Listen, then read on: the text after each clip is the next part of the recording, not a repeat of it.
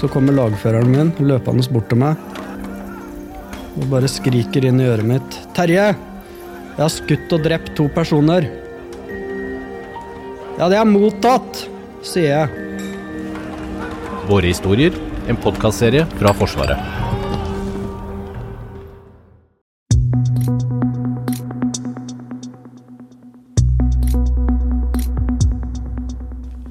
Når Forsvaret bruker simulatorer i øving og trening, da kan vi øve uten utslipp, uten å bruke ammunisjon, og vi kan trene og øve i all slags vær.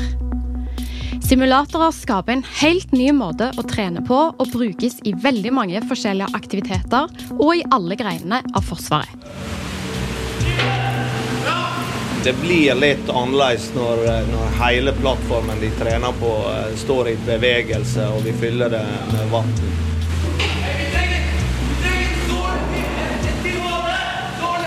Men hvor realistisk blir egentlig denne øvingen? Og kan simulatorer gjøre at vi får mer trening for pengene? Og hva med klimaet? Kan simulatorer pushe Forsvaret i en grønnere retning? Du hører på Forsvarspodden. Jeg heter Hege Svanes. På Håkonsvern i Bergen øves det på krisesituasjoner til havs i havarisimulatoren. I en grå, liten betongbygning er det bygd opp en havaritank som kan bevege seg og etterligne bevegelsene et fartøy har til sjøs. På innsiden ligner det på en prikk de nedre dekkene i et militært fartøy. Nå eh, er vi havaritreneren på Trippel S, Senter for skipsteknikk og sikkerhet. Jeg heter Ole Johan Sande og er hovedinstruktør havari på uh, Trippel S. Dette er en simulator som vi bruker til å simulere diverse skrogskader på, på fartøy og trene mannskapene i, i, det. Fra dette rommet her så kan operatøren da styre hele treneren, både bevegelse og, og vanninntrengning og vannivå i, i treneren. Så uh, vi kan simulere alt fra en stille dag på fjorden til full storm i Nordsjøen. Da starter vi litt bevegelse, så får du sette sjøbein.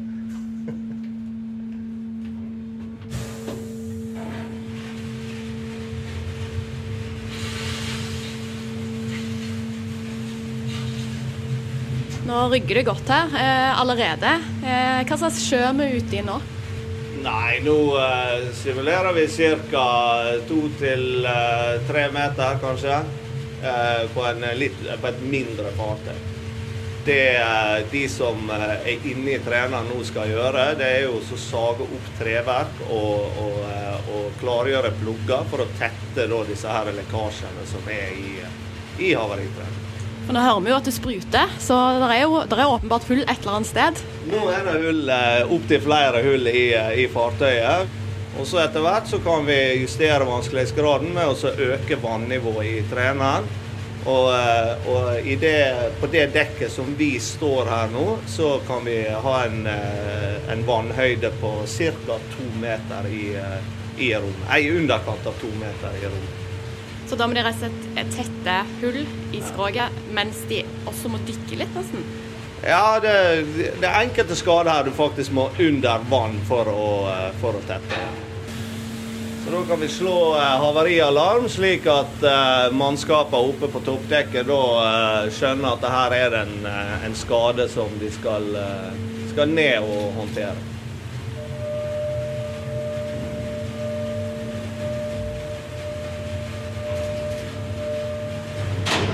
Det vi ser nå, er at innsatspersonellet kommer ned i det rommet som, som har disse her lekkasjene.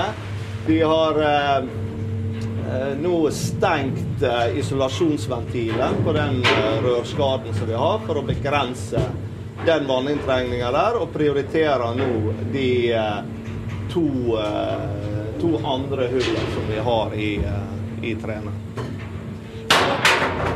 I kontrollrommet her så har vi da vindu inn i simulatoren, så vi står jo heldigvis tørt og, tørt og godt her vi står. Så vi, vi ser da hva de gjør inne i, i treneren.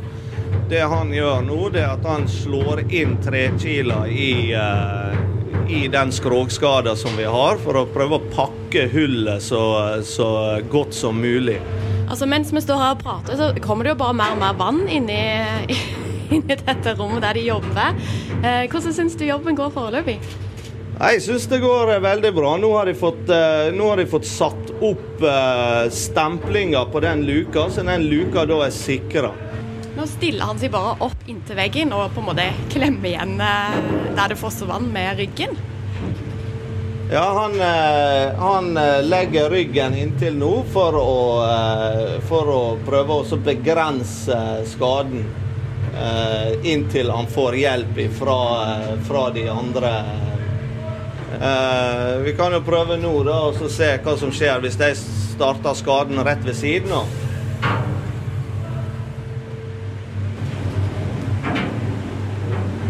Nå gikk jo det fra å være en ganske kontrollert situasjon til at eh, situasjonen endra seg eh, dramatisk med at eh, de fikk to nye skader å, eh, å forholde seg til. Nå var bølgehøyden på hva var det du sa, 1-2 meter? Hvis, hadde hvis det blåser opp nå, hva skjer da? Ja, hvis det blåser opp nå, så kan jo vi, eh, kan vi dra på litt eh, vinkelen i, eh, i uh, treneren. Nå, nå har vi da en, en slingring på ca. 14 grader til, til hver vei, så nå, nå begynner det å bli Nå begynner det å bli frist på fjorden. Noen av de som ble trent i simulatoren i dag, var Anders, Mikkel og instruktør Martin. Hvordan syns du dette gikk? Jeg syns det gikk helt OK. Det kunne godt vært litt mer effektivt på å organisert oss bedre. Og vi kunne delegert flere personer til å gjøre andre oppgaver. Det ble litt sånn dødtid på, på hverandre. Men alt i alt så syns jeg vi gjorde en uh, grei jobb. Det føles ganske realistisk. Uh, både med trykket liksom i vannet og så er jo slingringa. Så vi blir liksom kasta rundt hele simulatoren. Så for oss da så er det jo litt som adrenalinkick. Virkelig. Så det er jo en av mange gøye ting vi gjør her da, på Triple For du får kjenne litt på sånn altså adrenalin og stresset som kan oppstå i en sånn situasjon, eller? Ja, det føles, virke, det føles virkelig. Du sitter ikke innpå her og tror at det er en øvelse. Du tror at skipet går ned, liksom. Så det, du får litt adrenalin, du får litt spenning. Så du blir litt sånn uh, gira, da. Eh, så jo når vi var inne her i, eh, i eh, havaritanken og vannet begynte å stige, så blir det jo faktisk sjø og bølger her inne òg. Eh, hvordan er det å trene med? Altså, det er jo den største delen av havaritreneren her da, som de ikke får øvd med om bord. At eh, vannstanden stiger, alt av materiell som de har liggende på dørken, det vil begynne å flyte rundt. Ting vil ligge under vannstanden, så du må gjerne dykke etter det òg. Ole Martin Meversvik, forskningsleder ved Forsvarets forskningsinstitutt. Du forsker bl.a. på simulatorer til bruk i trening og øving, og òg med tanke på hva framtiden bringer. Bruk av simulatorer blir stadig viktigere i Forsvaret. Men hva er egentlig en simulator? Eh, en simulator det er en innretning som etterligner noe fra virkeligheten. Eh, et eksempel, eh, kanskje det klassiske eksempelet er flysimulatoren, hvor en flyger sitter i en, en simulert utgave eller en etterligning av flyet, og flyr da i, et, i en virtuell verden. Det finnes tre ulike typer simulatorer i Forsvaret. Det første er som nevnt den klassiske flysimulatoren. Eh, det finnes òg simulatorer på det i den operative plattformen. F.eks. så har Hæren muligheten til å montere på laser eh, på sine operative plattformer, sånn at de får trent realistisk når de er ute i felt. Altså til sist så har vi stabs- og ledertrenere, hvor staber og ledere får trent på å lede en operasjon uten at det er noen styrker ute i felt. Dvs. Si at alle styrkene er simulert i en datamaskin. Hva er det vi kan øve og trene på? Hvis du skal være veldig sånn konkret og gi oss noen sånne eksempler, så vi kan se det litt for oss. Ja, Vi bruker egentlig så kaller det under uh, samlebetegnelsen simuleringsbasert trening og øving. og Det er egentlig en sånn, uh, et spekter av simulatorer som dekker ulike formål. Uh, hvis vi kan Alt fra enkeltmannsferdighetene til at du trener et team, og til slutt dem som leder hele operasjonen. da. Eh, Vi kan ta et eksempel fra Hæren. Så finnes det da en såkalt rettetrener, som er en veldig enkel simulator som trener skytteren i en stridsvogn. Og så kan du ha stridsvognsimulatorer som trener hele teamet og f.eks. en stridsvognstropp, ved at de da sitter i en, en, en veldig god etterligning av hele stridsvogna. Og til slutt så har Hæren en stabs- og ledertrener som gjør at de kan trene hele bataljonen eller brigadestaben i å lede en operasjon. Fins det simulatorer i alle grener, i alle dimensjoner? Luft av bakken, under vann? Har du andre eksempler?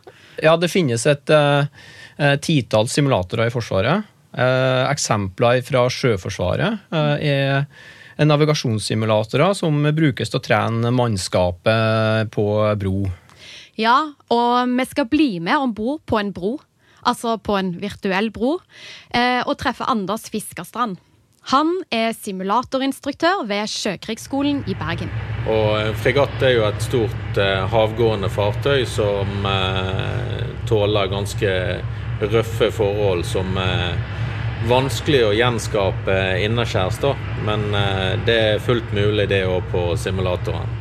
Eh, nå har vi vel en eh, bølgehøyde her på tre-fire meter eh, i ledene rundt Bergen. Og eh, det er ikke helt, eh, helt, vanlig. Så ser vi at det øker eh, gradvis mer, og vi begynner å, å rulle ganske mye med fartøyet. Og dette her er jo også sånn som du da merker ganske tydelig hvis ikke du er helt forberedt på effekten av simulatoren. Da får du litt følingen av å være på, på sjøen. Man kjenner at, at, kroppen blir lurt, rett og slett. Det ja. gjør man. Det, det, er helt naturlig, fordi at du ser det visuelle bildet ut, og det gjør at man, man da får følelsen av at alt beveger seg. Så nå ligger vi på fire til fem meter sjø. Det blir eh, krevende å styre fartøyet, og eh, det blir også eh, vanskelig å, å konsentrere seg om alt fordi at ting beveger seg veldig mye. Eh, til tross for at det ser ut som vi holder på å velte, så ligger ikke vi på mer enn en kanskje 15 grader krengning til, til hver side. Her var vi med om bord i en av simulatorene til Sjøforsvaret. Men har du flere eksempler på simulatorer som Forsvaret bruker? Det finnes òg en eh, maritim taktisk eh, simulator som gjengir operasjonsrommet på et fartøy, som gjør at vi kan trene ett eller flere eh, fartøyer sammen. Da. Hæren har òg et antall simulatorer på ulike nivå, sånn som jeg har nevnt allerede.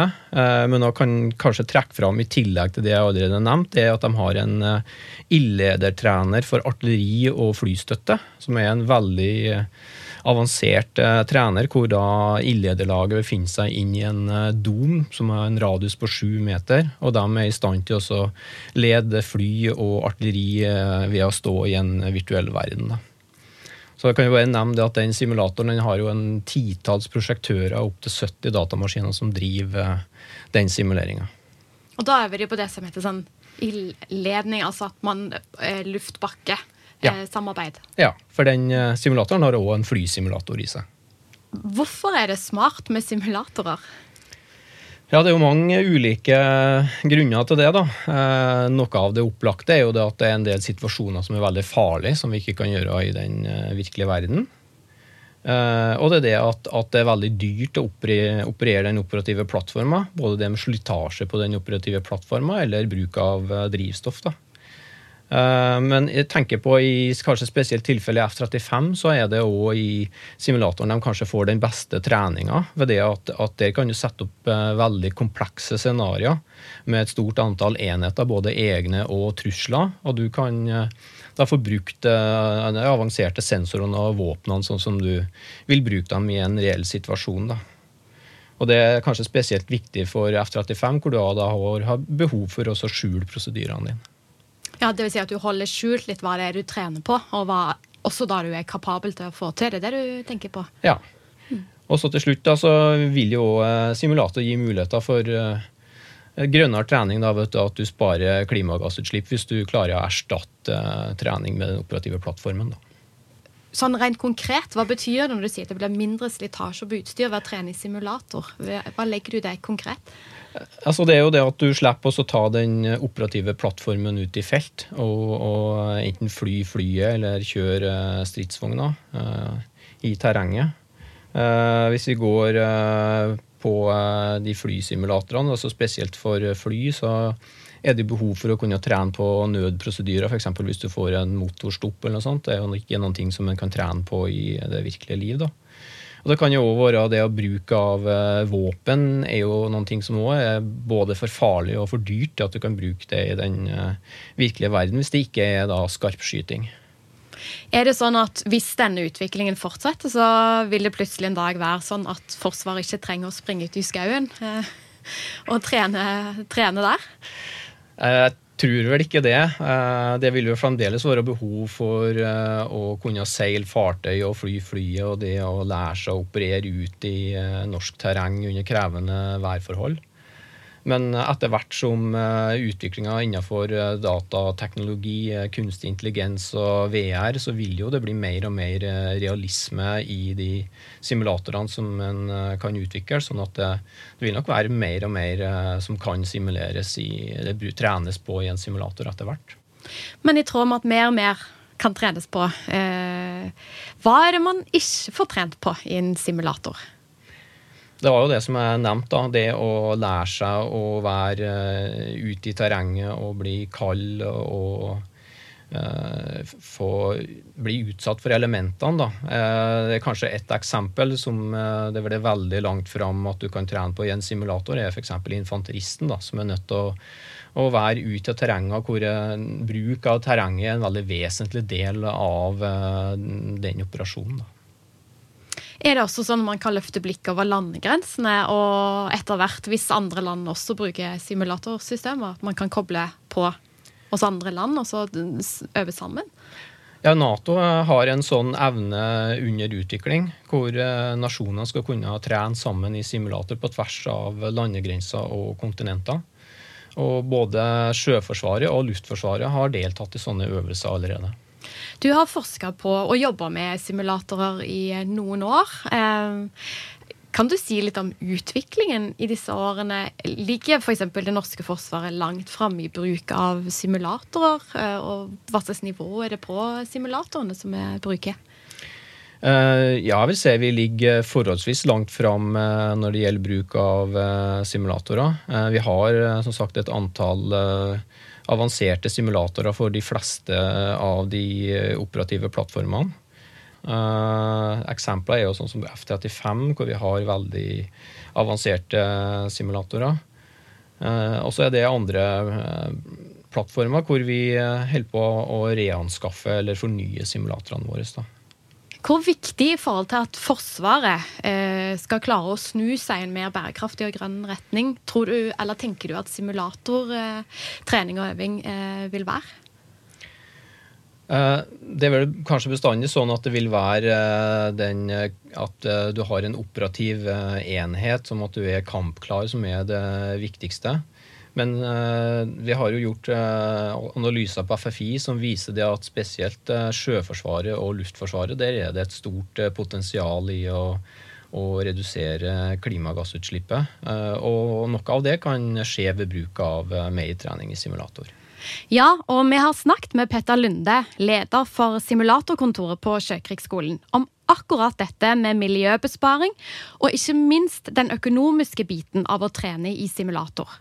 Det er klart det er mye billigere å slå på noen computere og kjøre en treningsøkt her inne. Eh, kanskje det kraftigste eksempelet vi har her på anlegget vårt, det er eh, den simulatorbroen som er bygget for Skjold-klasse kystkorvettene våre. Den eh, koster i seg selv ca. 27 millioner i anskaffelse. Det kan høres ut som et veldig høyt tall. Men hvis man tar altså den tiden, antallet timer de kjørte den simulatoren de tre første månedene etter at den åpnet, hvis man hadde kjørt et fartøy tilsvarende mange timer, altså en korvett tilsvarende mange timer, så hadde man altså da spart inn hele investeringen utelukkende målt i forhold til drivstofforbruket som var på fartøyene. Det er også sånn at de kjører ca. to tredjedeler av klareringskursene sine på simulatoren. Eh, og sparer enormt med både slitasje på operative fartøyer, eh, utgifter i forbindelse med drivstoff og vedlikehold etc. Og eh, det gjør også det at man, man, korter ned den øvingstiden fordi man kan sette opp i mer målrettede scenarioer. Man kan få det man ønsker å måle når man vil ha det. Man slipper å kjøre på kysten og vente til å møte de forholdene som man trenger. Eh, noe som er med på å gjøre dette er veldig kostbesparende. Og selvfølgelig kan man sette da kandidatene opp i mye farligere situasjoner på simulatoren enn man ville turt å gjøre i virkeligheten. Vi kan ikke risikere skarpt fartøy eller et operativt fartøy for å trene noe ekstremt. Men på simulatoren kan vi det, og går det galt, som vi selvfølgelig alltid prøver å unngå, for det er helt grusom den lyden når det går galt her. Men da er det tross alt ikke verre enn å trekke den av og så starte det opp på nytt igjen. Så det koster ingenting, i hvert fall. I kroner. Bare i nerver og hjerteinfarkter osv. Hva kommer til å skje på simulatorfronten? Eh, med 5G og kunstig intelligens, kan det være utviklingsmuligheter der som ligger foran oss? Ja, jeg tror teknologiutviklinga framover med, med, kunstig intelligens og uh, VR vil gi oss både mer realistiske simuleringer, kanskje spesielt med tanke på muligheten til å simulere menneskelig oppførsel, som er en, en veldig stor utfordring i dag. Og det at eh, vi har sensorer i dag som lager veldig detaljerte modeller egentlig av hele verden, sånn at vi kan få mye mer detaljerte 3D-miljø som vi kan trene inn i framtida. Og òg den utviklinga hvor vi kan eh, koble sammen da simulatorressursene våre på tvers av, eh, av landegrenser og områder, da, gjør at, at det, blir større muligheter. Da. Så eh, disse store militære øvelsene om si et tiår fram i tid, de, kan de se annerledes ut enn de gjør i dag, da, tror du? Jeg vil jo tro det at uh, på sikt at kanskje noen av de uh, store feltøvelsene kan delvis erstattes ved bruk av simulatorer. Eller i det minste at uh, man trener på de samme momentene i simulator før man går ut i øvelsen, sånn at man får større utbytte av feltøvelsen. Da. Rett og slett ved at man er bedre forberedt. Du har hørt på Forsvarspodden vi kommer med en ny episode hver onsdag. De som lager Forsvarspodden, er Lars Hallingstorp, Thomas Haraldsen, Fredrik Tandberg, Jørgen Lyngvær og meg, Hege Svanes.